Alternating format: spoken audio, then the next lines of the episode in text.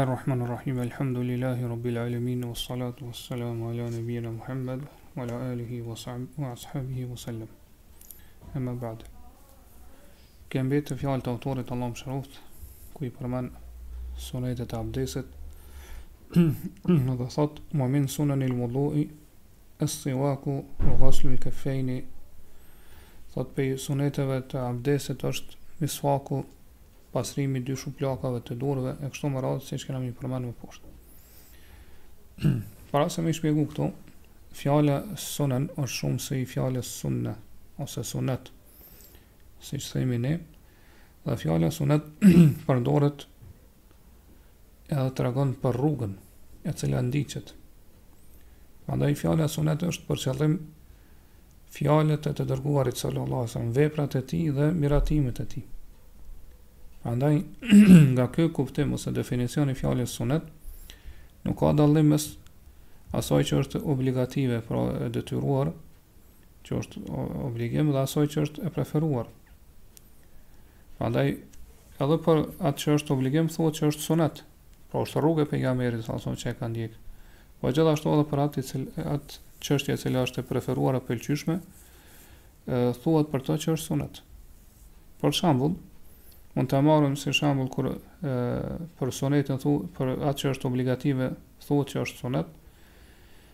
Është thënia e Enesit, radijallahu anhu, që transmetohet te Buhariu dhe Muslimi, ku thotë min as-sunnati idha tazawwaja al-bikra ala al-thayyib aqama 'indaha sab'an.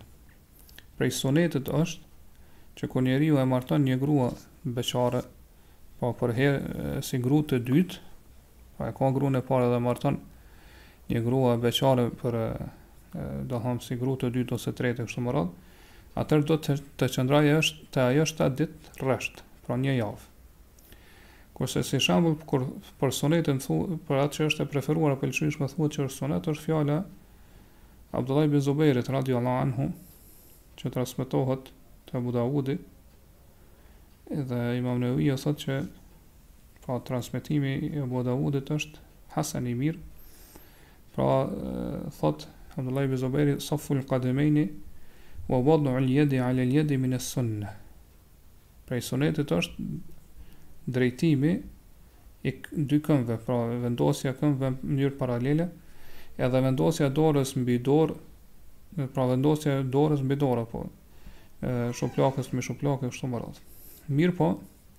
Pra definicioni apo kuptimi i sunetit te dijetarët e fikut, te fukahatë dhe dijetarët e usulul fikut, pra bazave të fikut, Allahu i mëshiroftë është pra sunet për me fjalën sunet thuhet për çdo gjë që është jashtë obligimit, pra që nuk është obligative. Pra sunet, sipas fukahave dhe dijetarëve të usulit, janë ato gjëra ose çështje për cilat jemi urdhëruar, mirëpo jo në formë të, të detyruar, pra jo në formë detyruese ose obligative. Dhe dispozita e sunetit, sipas këtyre të fundit është që nëse njeriu e vepron, atëherë shpërblehet,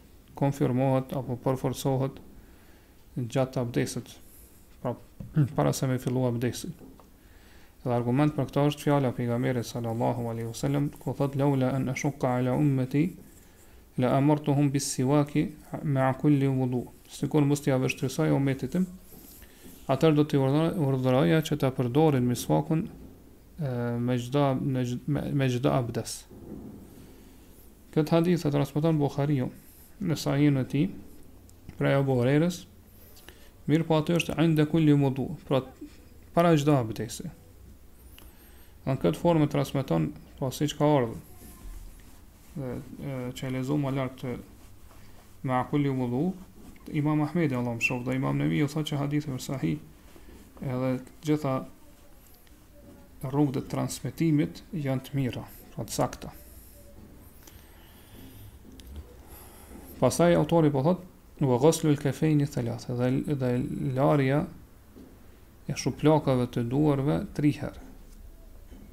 Ngase siç është transmetuar te Buhariu dhe Muslimi, pejgamberi sa sa kur ka marrë abdes, atëherë ka fillu a ka filluar abdesin duke i larë shuplakat 3 herë. Dhe arsyeja për këtë është se shuplakat e duarve janë si Mjet, që përdoret për pastrimin e pjesëve tjera të abdesit, po përmes tyre zhvendoset uji, pra prej një pjese në pjesën tjetër. Gjithashtu përmes tyre do thotë fërkohen pjesët e tjera të abdesit, prandaj prandaj ka qenë më e përshtatshme edhe më e mirë që ato së pari të pastrohen. Pra shuplakët e dorës së pari të pastrohen me ujë tri herë ashtu siç ka vepruar pejgamberi sallallahu alajhi wasallam.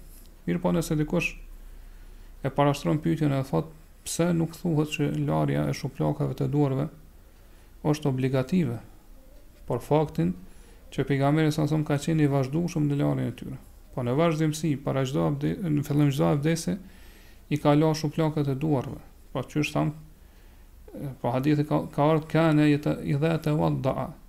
Idha tawadda bada bi ghusl al kafain sal. Pejgamberi sa çdo herë, po kjo fjalë folja kana në gjuhën arabe tregon vazhdimësi.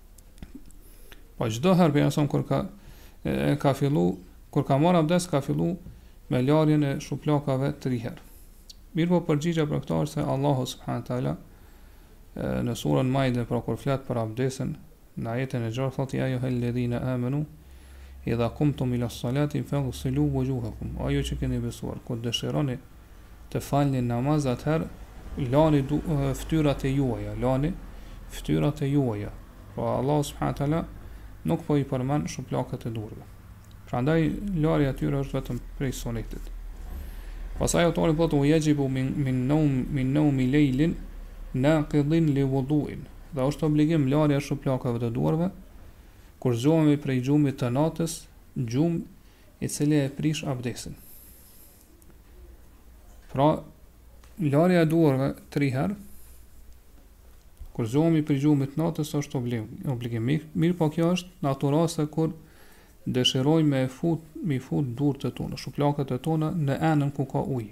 Atëherë na bëhet obligim kur zgjohemi prej gjumit të natës me i la tri herë shuplakët e durëve.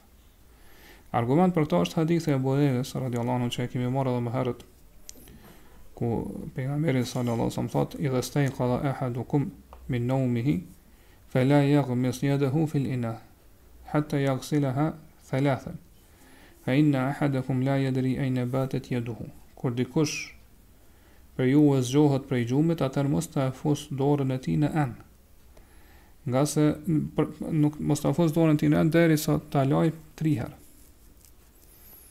Ngase thotë dikush prej juve ose askush prej juve nuk e din se ku ka qëndruar ose ku ka e, ku e ka pasur dorën e tij gjatë natës. Po ku ka qëndruar dora e tij? Këtu pejgamberi sallallahu alajhi wasallam po thotë min naum në të vërtetë autori po thotë Allahu e shëroftë min naumi lejl. Pra bahet obligim larja e shuplakëve të durëve kur zgjohemi prej gjumit të natës. Pra me këtë me këtë po e përjashton gjumin e ditës. Pra ne nëse flemë gjatë ditës nuk e kemi obligim Me i la shuplakët nëse zgjohemi prej gjumit të ditës kur dëshirojmë me fut dorën në enë. Mirëpo nëse dikush pyet edhe thotë pejgamberi salasam në këtë hadith nuk për po e veçon gjumin e natës. Po po thotë min naumihi, kur dikush prej jush zgjohet prej gjumit të tij. Po prej gjumit të tij, këtu e kemi atë lidhjen gjenitive, gjumit të tij, pra gjumi iu ka bashkangjit përemrit të tij. Dhe kjo rregull në gjuhën arabe kur një, një fjalë vjen në njëjës edhe i bashkangjitet një emri tjetër apo përemri tjetër, atëherë tregon përgjithësim. Po prej gjumit të tij prej çdo gjumi, kështu po kuptohet prej hadithit. Po ashtu po thotë në hadith idha stejkadha ahadukum. Min naumihi kur dikush prej jush zgjohet prej gjumit të tij. Kështu që zgjohet, pra është rrethanë e kohës, që i përfshin gjitha kohët, orët gjatë ditës, gjatë natës e kështu me radhë. Pse autori ose dijetarët e veçojnë me gjumin e natës? Përgjigja ndaj kësaj është se e pra kjo dispozitë është e veçantë kur njeriu zgjohet prej gjumit të natës për shkak të arsyetimit që e ka sjell vetë pejgamberi sallallahu alaihi wasallam, pra për shkak të arsyes shkakut që e ka sjell vetë pejgamberi sallallahu alaihi wasallam në këtë hadith.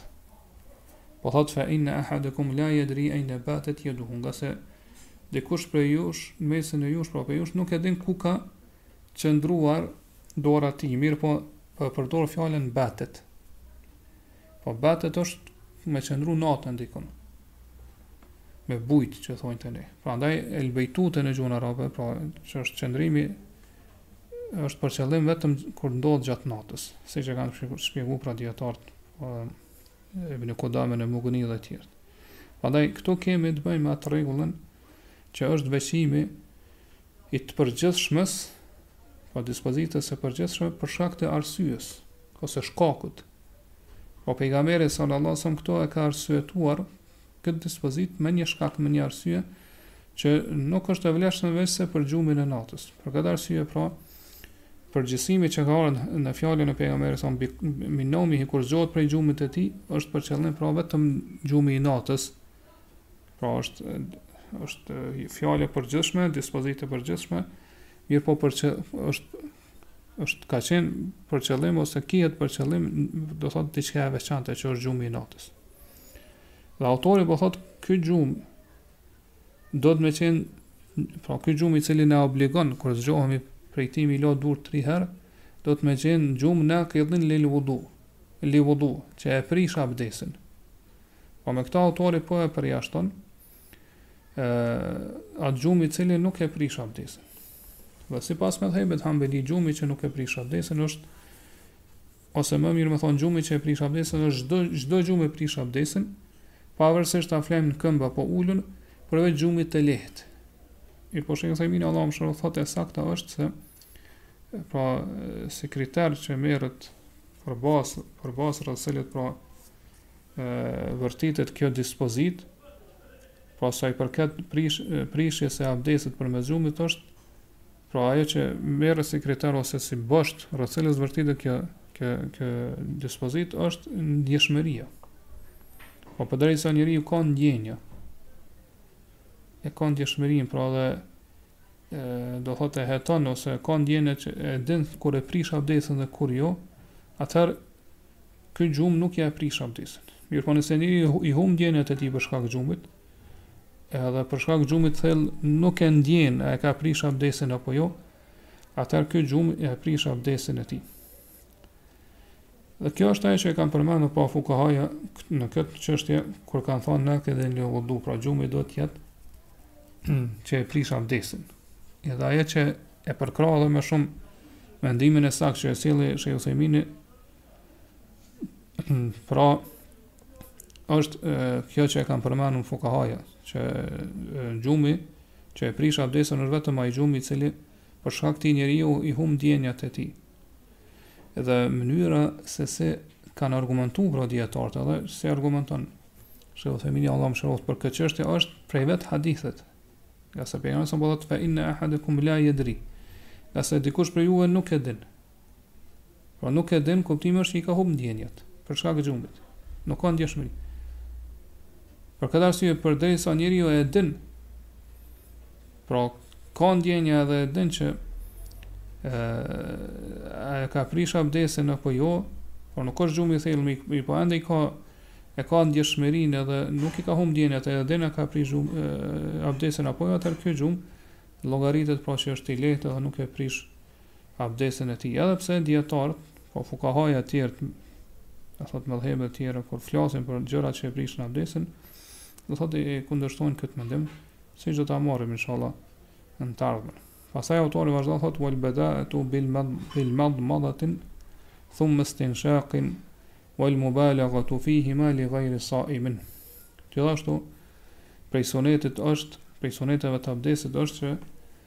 Me fillu me pastrimin e gojës pastaj të hundës.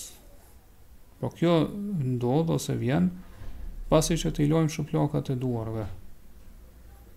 Pra fillo, pa, pastaj duhet me fillu me, pa, me shpërla gojën me ba madmada edhe me, me shpërla hunën.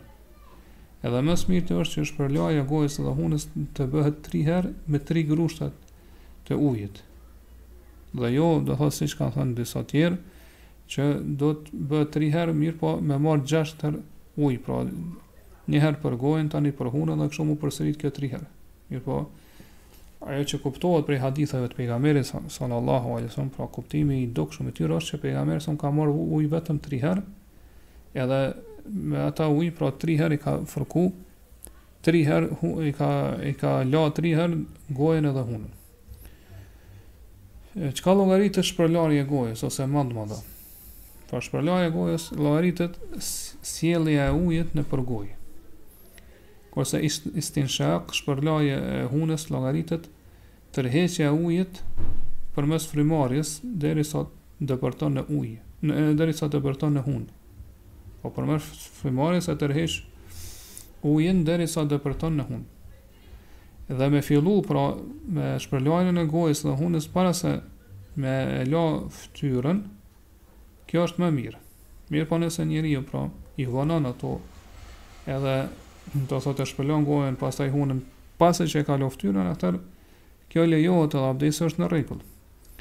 Këtu autori nuk po përmend atë që quhet el-istinthar, pra shfryja, shfryrja e hunve.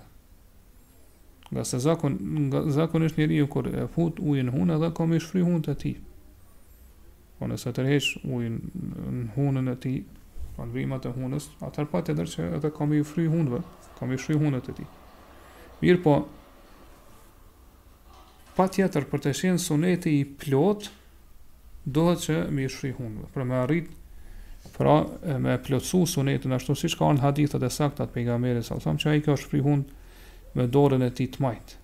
Po patjetër duhet me e vepru këtë veprim në mënyrë që me e plotësu sunetin e Pejgamberit sallallahu alaihi wasallam. Po ashtu edhe shpërlarja e gojës, pra madmada nuk plotësohet nëse nuk e nxjerrim ujin jashtë gojës. Edhe pse nëse ndodh që njeriu me gëlltit ujin brenda, atëherë do thonë shpërlarja e gojës i pranohet. Mirëpo ma së mirti dhe më e vlefshme dhe më afër sunetit është që me nxjerr prej gojës, me do thot me hedh jashtë, ngase kur ne e lëvizim ujin brenda gojës, e sillim ujin brenda gojës, atëherë uji bëhet i papastër për shkak të atyre mbetjeve që kanë mbetë në gojë dhe që do thotë kanë erë, aromë edhe erë jo të mirë dhe që e bojnë pra dhe ujin të këtillë me aromë jo të mirë. Dhe autori po thotë edhe me i la shumë, në mubalaga pra i bjenë me i la shumë, pra me shpërla shumë edhe me i la shumë gojën edhe hunën, është sunet, përveç atij që është agjërueshëm. Pra kjo është prej suneteve të abdesit, që me pas mubalaga, pra me në një farë mënyre me tepru, mi la shumë e, gojën edhe hunën, mi shpërla shumë gojën edhe hunën. Mirëpo çka llogaritet e, shpërlarje e shumtë e gojës edhe hunës. Shpërlarje e shumtë e gojës, ose në madmada, është kur ne e lëvizim ujin nëpër gojë me fuqi, pra e lëvizim fuqishëm, derisa do thotë uji të arrijë, në të gjithë gojën. Kurse me e shpërla shumë hunën, i bjen që me e tërheq, pra, fuqishëm përmes frymarrjes ujin deri në thellësi të vrimave të hunës. Edhe pse për që të plotësohet obligueshmëria e shpërlarjes së hunës dhe gojës, pra sa i përket gojës mjafton që është taman vetëm me me me sill apo me lëviz ujin nëpër gojë. Do thot me atë sjelljen më të vogël. Nëse vetëm pak e sill nëpër gojë, domethënë e ke kryer obligimin. Po ashtu, sa i përket shpërlarjes së hunës, mjafton do thotë vetëm me e tërheq sado pak ujin përmes frymarrjes që me, me depërtu në në vrimat e hunës, do thotë obligimi kryhet. Kurse sa i përket kësaj mubalagas, pra të, të shpërlarjes së shumtë të gojës dhe hunës gjatë abdesit, kjo është një gjë e urryer për atë i cili është agjërueshëm. Ngase ka mundësi do thotë nëse njeriu do thotë e tepron në shpërlarjen e gojës dhe hunës. Ë, kur është agjërueshëm, atëherë kjo mundet me çu që ai me gëllti diçka prej ujit. Po përmes hunës me kalu në në lukth ose në stomak. Ë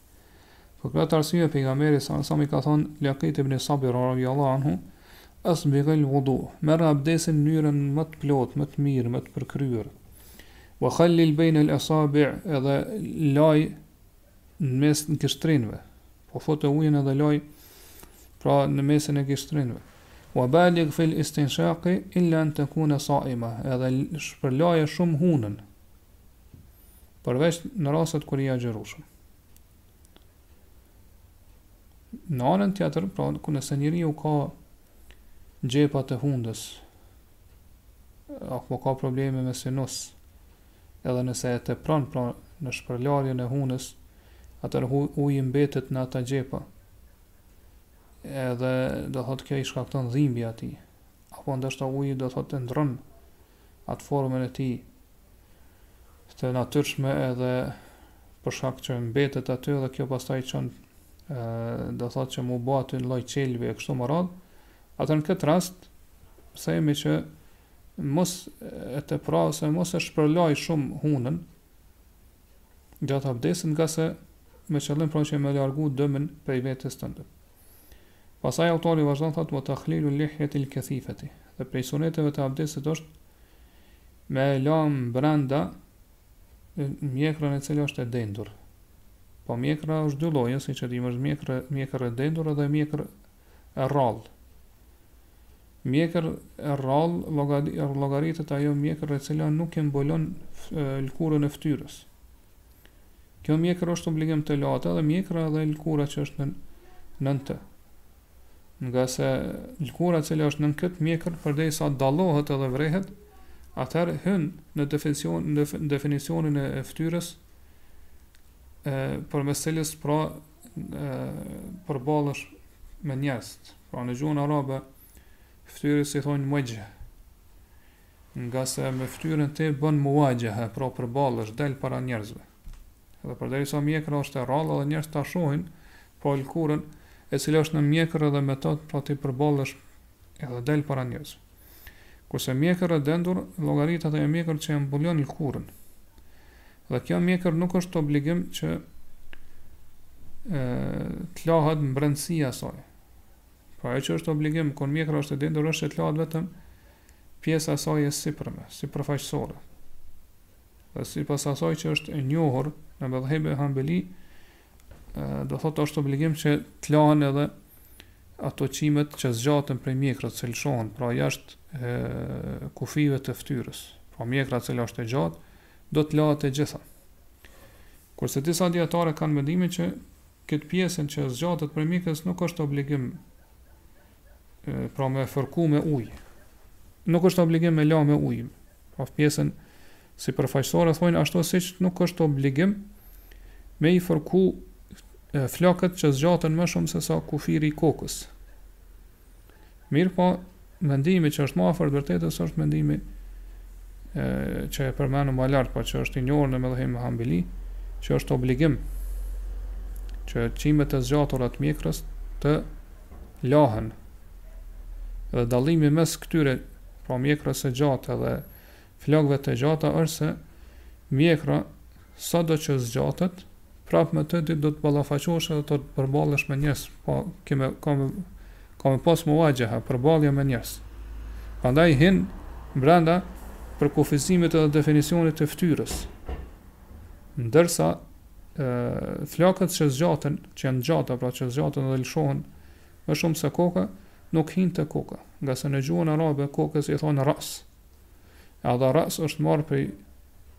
fjalës tara'us, që ka për qëllim lartësim, ngritje. Po me kanë në një në një vend në një pozitë lart. Prandaj ato flokë që lëshohen do thotë më gjatë që janë jashtë kufijve të flokëve që janë mbi kokën e njeriut, pra zgjaten më shumë, se sa kufiri i kokës, atëherë për to nuk mundesh me thonë që janë pra që ka atë tera'us, pra që janë të, janë të vendosur në atë pjesën e lartë të, ko, të, të trupit. Sido qoftë tahlili i mjekrës, pra me la pjesën e mbrendshme të saj, bëhet në dy forma. Forma e parë është me marrë një grusht ujë, edhe me vendos nën mjekër, edhe pastaj me fërku mjekrën, Derisa do thotë uji të depërtojë mbrenda mjekrës. Forma e dytë është me marrë një grusht ujë edhe pastaj ë do thotë me me gishta të lagur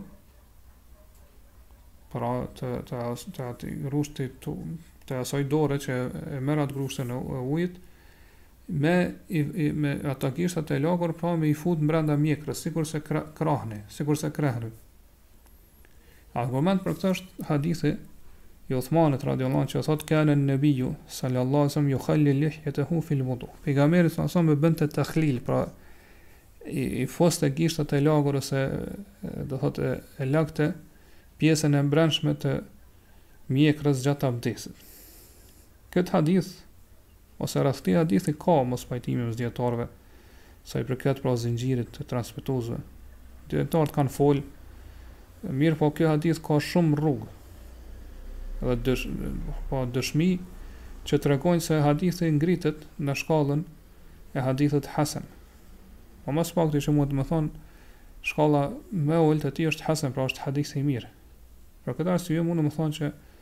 Me ba tahlil mjekrën në këtë mënyrë ç'është shpjeguar me njërën prej këtyre dy mënyrave që është shpjeguar më lart është prej sunetit.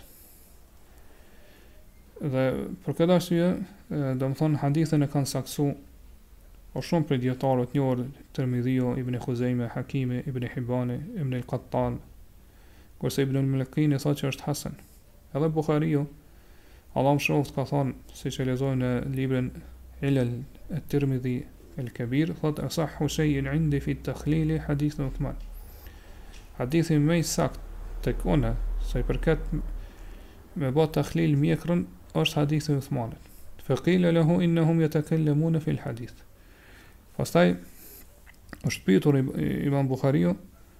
Thotë ata, pra dijetarët, disa prej dijetarëve po folin rreth hadithit. Fekale huve hasen, hadithi është hasen. Pra nuk zbret më shumë se sa shkalla e hasenit. Pastaj dijetarët e kanë përmendur se me me e çu apo me e dërgu pastërtinë sa i përket flokëve të njeriut ose qimeve më mirë me thonë të njeriut Kjo ndahet në tri lloje. Lloji i parë kjo pra, kjo, kjo pra ndahet në tri lloje, siç e ka përmend këto Ibn Kudame në Mugni, edhe Ibn Rexhebi në librin e tij El-Kavaid. Kjo ndahet në tri lloje. Lloji i parë është kur dërgimi i pastërtisë është e, obligative Pra me dërgu pastërti nën mjekër ose edhe nën qime të trupit është obligative, pavarësisht a është mjekra e dendur apo është e rrallë. E kjo do, kjo obligim vjen kur pastrohemi me pastrimin e madh prej xhunubllëkut për shembull.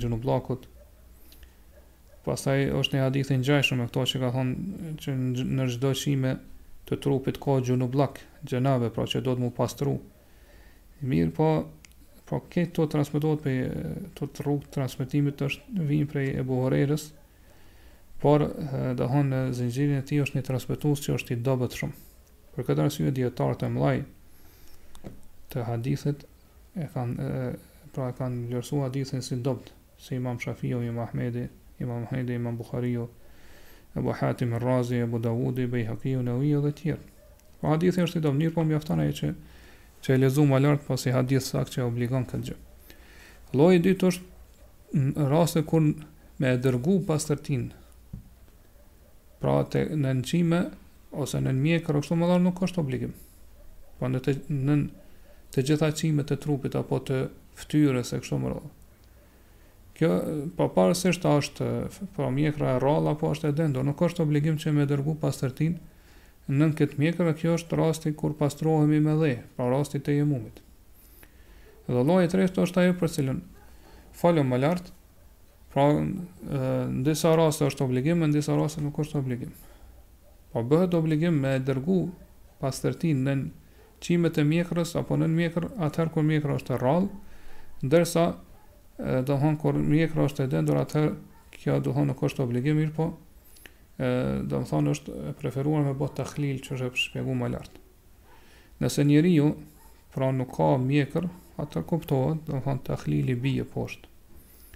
A mund të themi ngjashëm me këto me bo një lloj analogjie rastin kur njeriu është e, pra tullac apo nuk ka flok fare edhe gjatë kryerjes së haxhit apo umrës, pra që është obligim që Një, pra që njeriu pra ose t'i rruajë flokët ose t'i shkurtojë.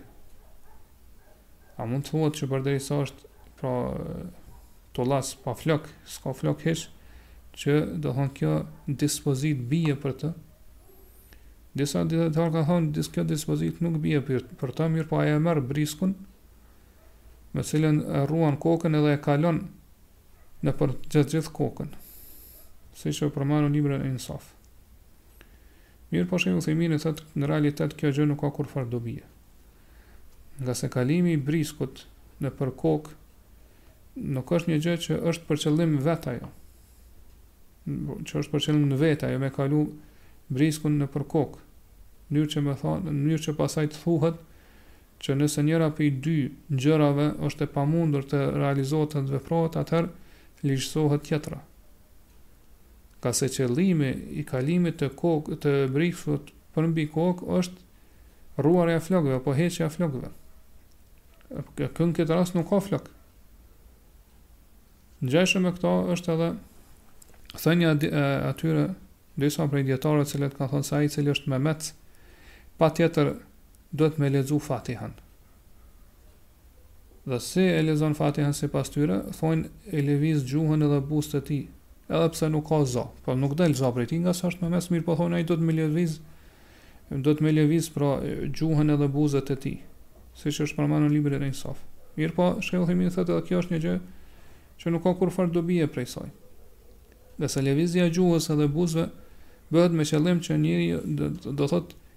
Njeriu me i shqiptu fjalët, dhe njeriu me lexu. Dhe përderisa kjo gjë është e pamundur tek ky person, pra tek ai i cili është memec, atër lëvizja e gjuhëve dhe buzëve është një një gjë e kotë, domethënë pa kurrfarë dobije. Pasaj autori po thotë wal asabi'i. Edhe është sunet me i la mes gishtrinëve. Me vetet me fut ujin mes gishtrinëve, bë tahlil mes gishtrinëve.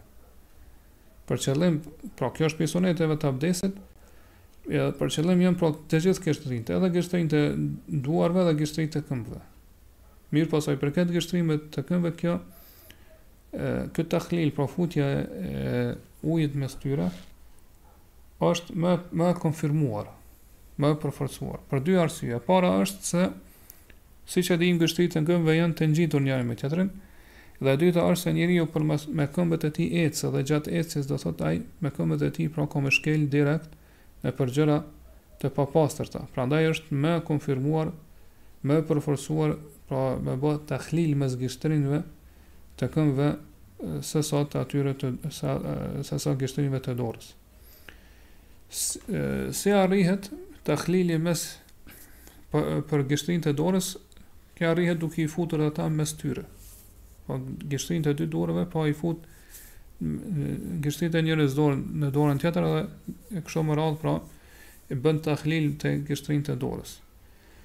Ndërsa sa i përket te gishtërinjtë e këmbëve, atëherë tahlilja arrihet përmes gishtit të vogël, qysh ka ardhur në hadith.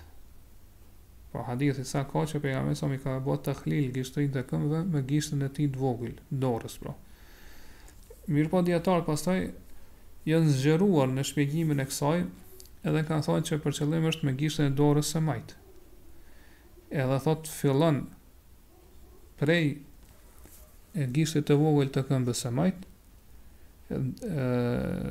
domethënë edhe vazhdon deri sa arrin te gishti i madh i këmbës së së pra këmbës së djathtë. Po pra, te këmba e djathtë thonë fillon prej gishtit të vogël deri te gishti i madh. Ndërsa te këmba e majtë thonë fillon prej gishtit të madh deri te gishti i vogël. Kanë thënë kjo është për qëllim që me rujt ajo që quhet tejamun qysh kem, që kemi me marr pak më poshtë, pra anën e djathtë, me fillu prej anës e djathtë që është e preferuar në abdes. Pra ana e djathtë e këmbës së djathtë fillon prej gishtit të vogël. Kurse ana e djathtë prej te këmba e majtë pra fillon prej gishtit të madh. Edhe thonë që në këtë rast duhet me përdorë pra gishtën e vogël të dorës së majtë ngase me këta pra i largon papastërtitë që janë mes gishtrinjve. Edhe gjithmonë pra dora e majtë është ajo që përdoret e para për largimin e papastërtive. Kështu është përmendur në librin Al-Insaf. Po ashtu në Mughni e kështu me radhë. Mirëpo, Shejh Uthejmini thotë kjo është një gjë që e kanë preferu ose e kanë bë, e kanë pa si, si vepër të mirë, si, si, si veprim i mirë disa prej dijetarve. Mirëpo me thonë që kjo është sunet, atëherë kjo është nuk, nuk është transmituar prej pejgamberit sallallahu alaihi wasallam. Ala është një, që, një gjë e diskutushme kjo. Pra me thonë që është sunet, me vepru në këtë formë që thonë.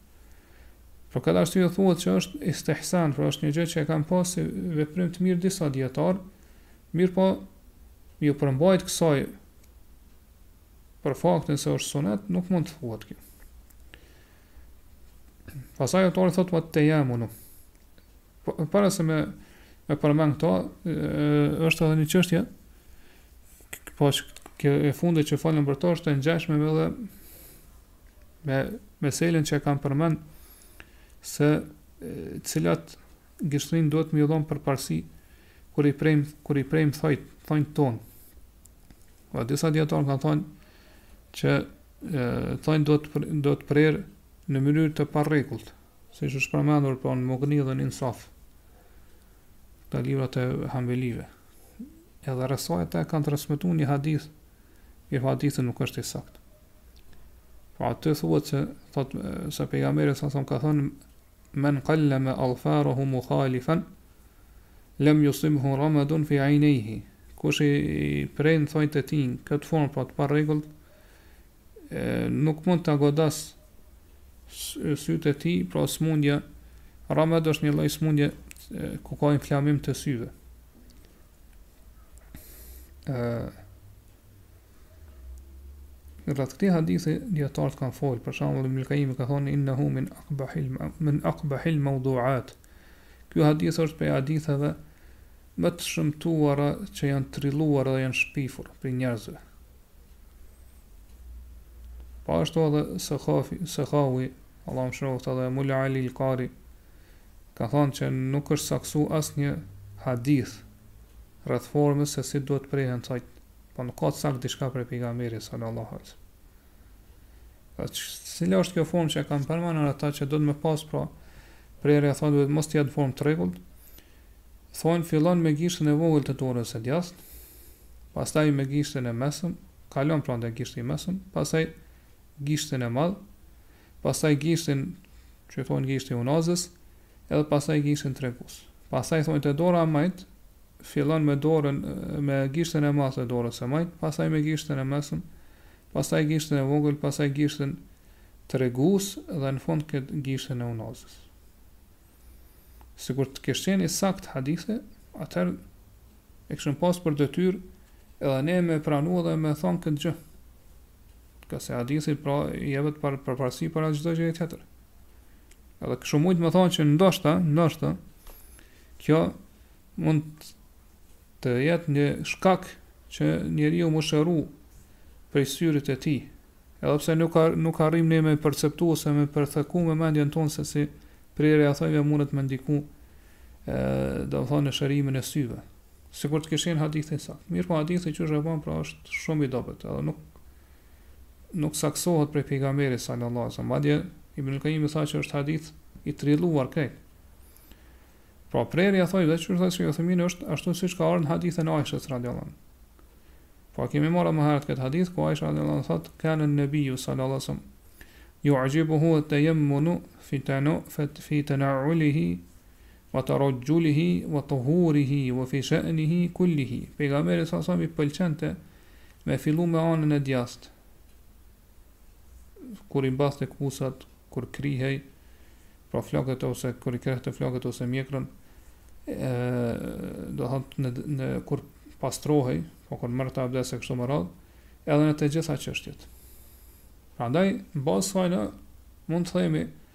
që fillon prej gishtit të vogël të dorës së djathtë, pastaj gishtin e unazës, pastaj gishtin e mesëm, pastaj gishtin tregus, pastaj gishtin e madh. Pastaj kalon te dora majtë duke filluar prej gishtit të djathtë, prej gishtit të madh, pastaj gishtin tregus, gishtin e mesëm, gishtin e unazës dhe gishtin e vogël. Edhe pse thotë Uthejmini kjo ndoshta është një gjë e vështirë për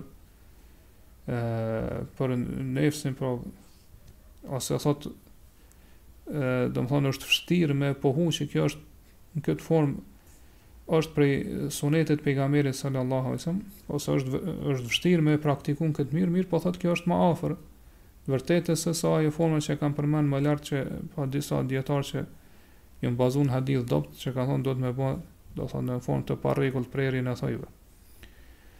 Sidoqoftë, pastaj autori po thotë wa tejamunu dhe prej sunetit, prej suneteve të abdestit është et-tejamun, pra për qëllim është me fillu me me anën e djathtë, dhe kjo i përfshin vetëm katër gjymtyrë. Po dy duart dhe dy këmbët. Këtu mund të imagjinohet fillimi me dorën e djathtë, me, me anën e djathtë. Prandaj pra duhet me fillu së pari me la dorën e djathtë, pastaj të majtën. Gjithashtu te këmbët së pari e lan këmbën e majtë, pastaj së pari e lan këmbën e djathtë, pastaj të majtën. Ndërsa sa i përket fytyrës, atëherë tekstet nuk na tregojnë që duhet me iu përmbajt kësaj rregulle, pra me fillu me do, me me anën e djathtë. Përveç në rastet kur njeriu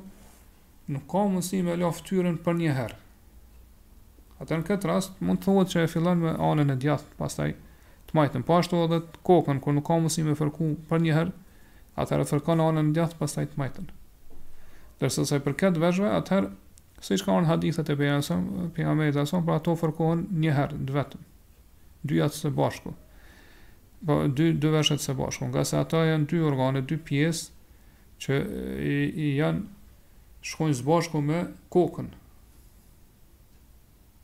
Prandaj ato pra, pra veshët hyjnë brenda fërkimit të kokës, siç kanë ardhë hadithet e pejgamberit salatu. Mirëpo nëse mund të paramendohet ose supozohet që një njeri për shembull s'ka mundësi siç u tha më lart me fërku kokën për një herë të gjithën,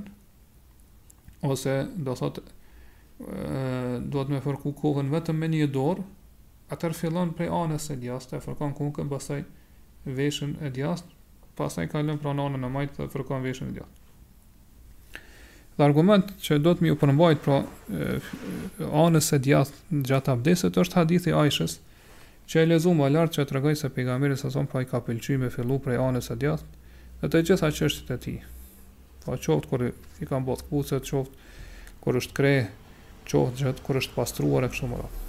Ndërsa sa i përket, pra, e, me i, me i fërku mestet, si me vepru në këtë rast, disa dijetarë e kanë mendimin që duhet mestet me i fërku të dyja së bashku. Ngase thonë, përderisa ato fërkohen, atëherë e marrin dispozitën sikurse koka, që fërkohet pra përnjëherë e gjitha. Edhe Mughire ibn Shobe radiallahu anhu, te hadithin që transmetohet te Buhariu dhe Muslimi kur e ka përshkru, pra meshin e pejgamberit sa sa ka thonë fe meseha ala khufejhi, dhe pejgamberi sa i fërkoj dy mestet e tij, edhe nuk e ka përmen, pra që ju ka përmbajt kësaj regullës, pra me fillu prej djathtës. Dersa disa djetarë thonë e preferuar është që me fillu me djathtën edhe gjatë fërkimit të mesteve, ngase thojnë mestet janë degëzim i larjes së këmbëve. Pra ashtu siç e lan kamën njëherë kamën e djathtë pastaj kamën e majtë, po ashtu edhe e fërkon njëherë kamën e djathtë pastaj të majtën. Edhe kanë thonë këto janë dy pjesë, dy gjymtyrë, cilat dallojnë njëra prej tjetrës, për dallim prej kokës, e cila është një gjymtyrë e vetme, ose një pjesë e vetme. Ndërsa arsyeja Pse nuk është përmendur pra kjo në hadithin e Mughire bin Shobes, që pejgamberi sa pra thotë i ka fërku ato dhe nuk e ka përmend që ju ka përmbajt pra anës së djathtë ose fillimit prej anës së djathtë, thojnë arsyeja për këtë është se kjo ka qenë e njohur prej udhëzimit të pejgamberit sallallahu alaihi wasallam.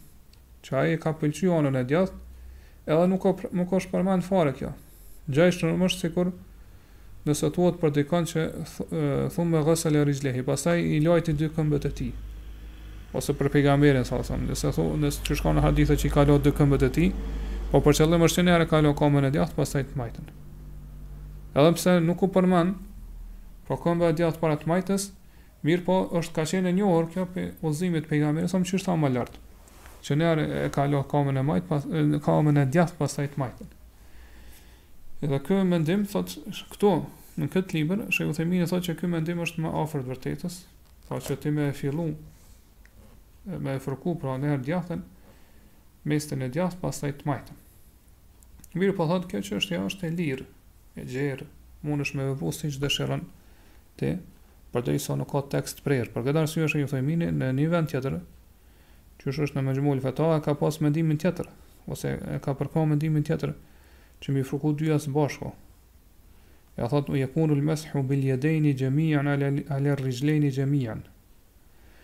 Thot, meshi do të bëhet me dy durët së bashku, mbi dy këmbët së bashku.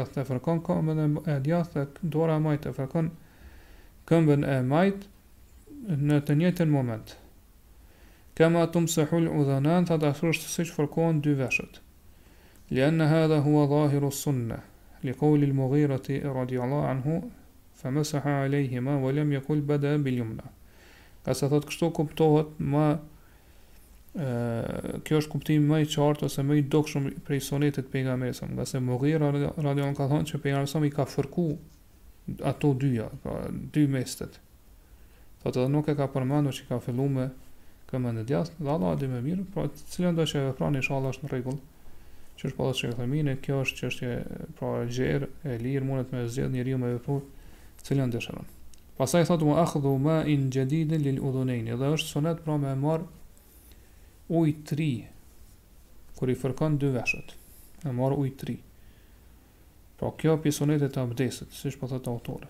Pra njeriu qëllimi është kur e fërkon kokën, pra i lan durt kur e fërkon kokën, një herë, pastaj kur dëshiron me fërku veshët me ujë, merr ujë të ri. Argument për këtë është hadithi i Abdullah ibn Zeidit, i cili tregon se e ka pa pejgamberin sa sa duke marr abdes Thotë fe akhadha li udhunejhi ma'an khilaf el ma'a ledhi akhadha li ra'sihi, dhe pejgamberi salallahu mori për dy veshët e tij ujë tjetër, jo ujin që e kishte përdorur për ta fërkuar kokën e tij. Mirëpo ky hadith është shadh. Është hadith shadh që i kundërshton hadithet e sakta, siç ka ardhur hadithi te Muslimi e kështu me radhë, ku përmendet që pejgamberi salallahu pra e, e ka fërku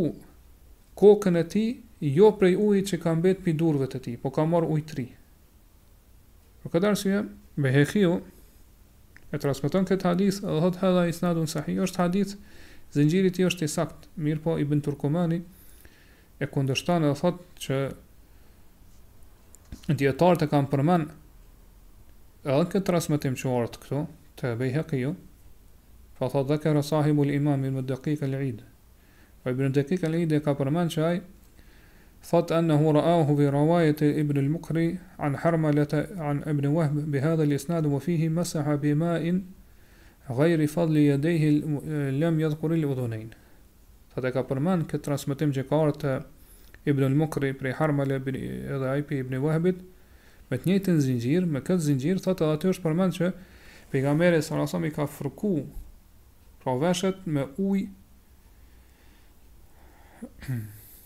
vërtet e ka fërku kokën me ujë, jo prej ujit që ka mbet prej duarve të tij, pra kur i ka la duart e tij. Thot edhe këtu nuk u përmen, nuk ju përmen fare veshët. Edhe ibn Haxheri Allahu e mëshiroftë në Bulughul Maram e kundërshton këto. Edhe thot wa huwa inda muslimin min hadha al-wajh bi lafz, thot te Muslimi ka ardhur do të thotë në këtë formë ose në këtë rrugë, mirëpo me fjalët wa masaha bi ra'sihi bi ma'in ghayri fadli yadayhi. Thot pejgamberi salasalem e ka fërkuar kokën e tij me ujë të ri, pra, jo me atë ujin që ka mbet prej kur i ka la duart. Wa huwa al-mahfuz. Ky është hadithi i saktë. Ky është hadithi që dihet që është i saktë.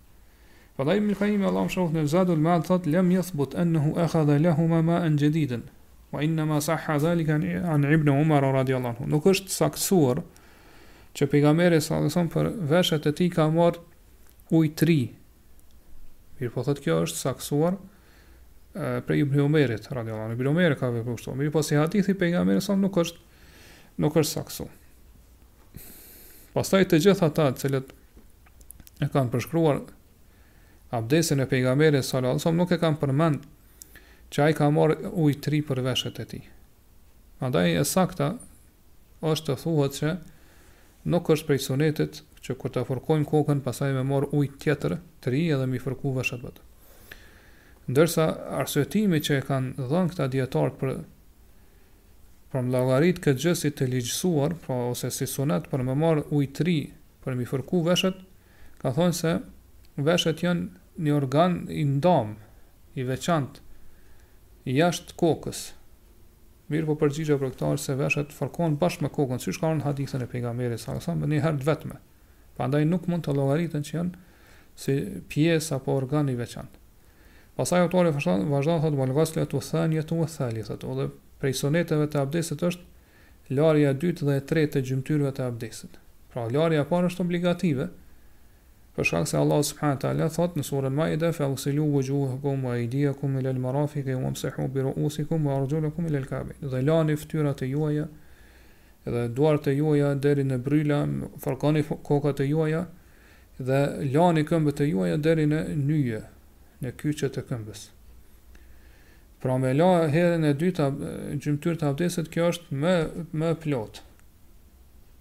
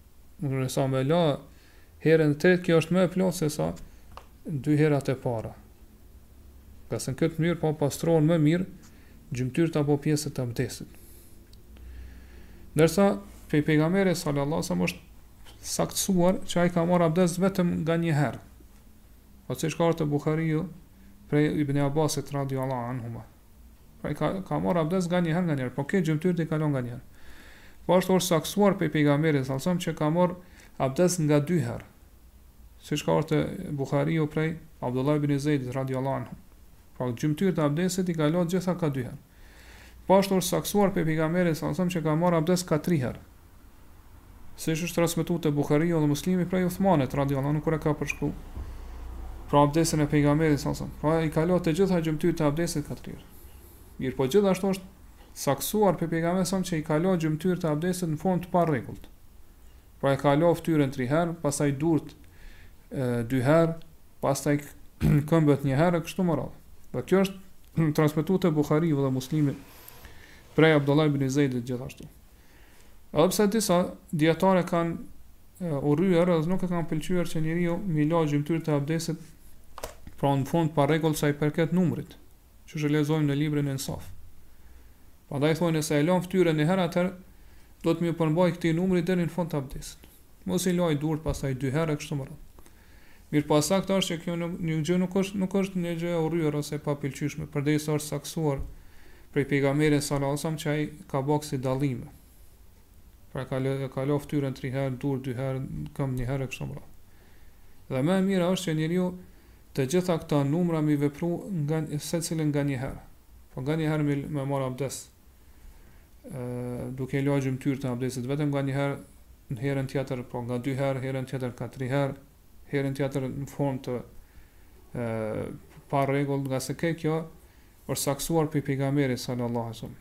Edhe pse dikush mundet me thënë e që pejgamberi a.s. thonë ka marrë abdes nga një herë pra i ka la gjymtyrët e abdesit vetëm nga një herë për me me sqaru që kjo është e lejuar. Jo që kjo është e, form ose rrugë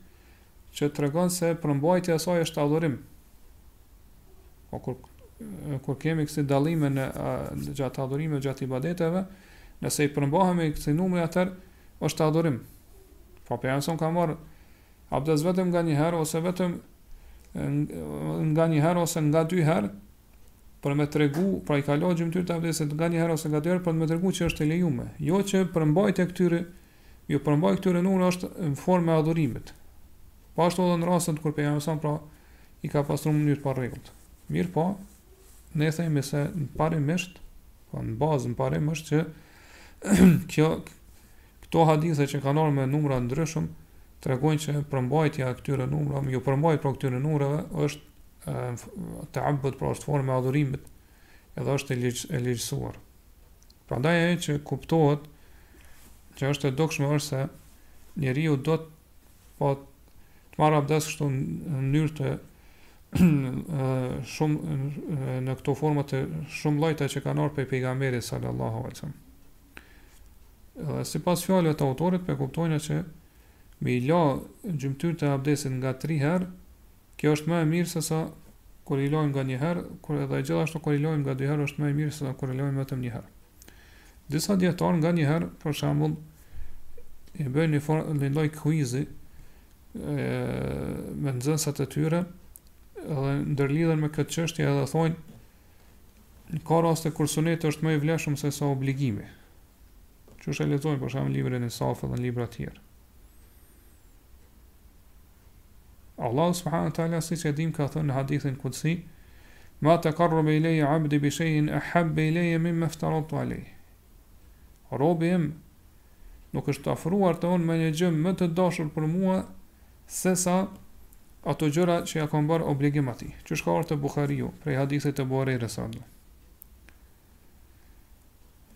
Mirëpo këta dijetarë thonë ka raste kur suneti është më i vlefshëm se sa obligimi.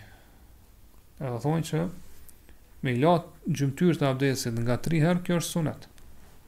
Dhe kjo është më e mirë dhe më e vlefshme se sa kur i lajmë vetëm nga një herë, edhe pse ajo është obligim. Po ashtu, si shembull tjetër e sjellin, thonë me me fillu me selam është sunet. Kurse me kthy selamin është obligim, prandaj thonë fillimi i selamit është më i mirë se sa kthimi, i cili është obligativ. Mirëpo Shejh Uthejmini Allahu e mëshiroftë, përgjigja ndaj kësaj është se qysh në në në origjinë, kjo lloj kuizi ose këto lloj pyetje pra janë që parashtrohen këto janë gabim. Ngase thotë larja e gjymtyrëve të abdesit nga 3 herë në to përfshihet edhe larja obligative. Pra kemi larjen obligative dhe i janë shtu dy herë tjera. Andaj nuk më, pra është gabim të thuhet që e, ose siç e kanë parashtru pyetjen ose kuizin këta dijetarë. Po ashtu ai thotë fillimi i selamit, që thonë është më i mirë se sa kthimi i selamit, edhe kjo mund të diskutohet nga dy anë ose nga dy aspekte. E para është që thuhet se Nuk e pranojnë që fillimi me fillu me selam, pra mi dhan tjetrit selam është më e vlefshme. Përkundrazi thotë kthimi i selamit është më i vlefshëm. Për shkak të hadithit që e lexuam më lart, që Allah subhanahu wa taala thotë robi im nuk është afruar te unë me diçka më të dashur se sa obligimet. Prandaj thotë çysh në origjinë në parim ky lloj këto lloj pyetje pra që vijnë kështu në formë të qartë ose në formë të kuizit, Si mister, domethënë rrëzohen edhe bien, nuk pranohen. Aspekti i dytë është të themi që nëse pranojmë që fillimi me fillu me selam është më e mirë se sa me kthy selamin, atër kjo bëhet për shkak se kthimi selamit bazohet në të. Prandaj thot ai cili e fillon selamin i fiton dy vlera ose dy shpërblime. E para është që e ka fillu selamin, edhe e dyta është se është bërë shkak që me u është bërë shkak për me u vepru obligimi, pra është, është bërë shkak që me u zbatu obligimi, është që është kthimi i selamit.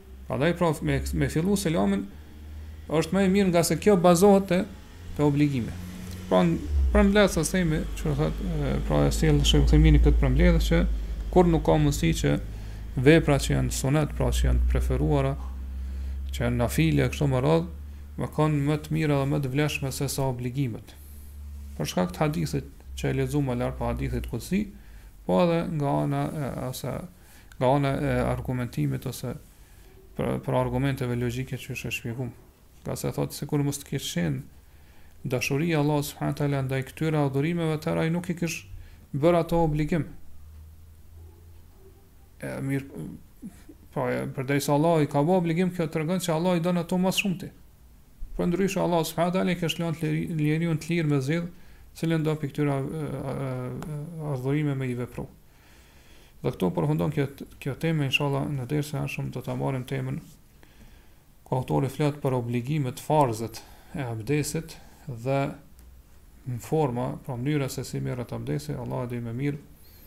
Allahu a'lam, Allahumma salli wa sallim ala nabina Muhammad wa ala alihi wa sahbihi ajma'in.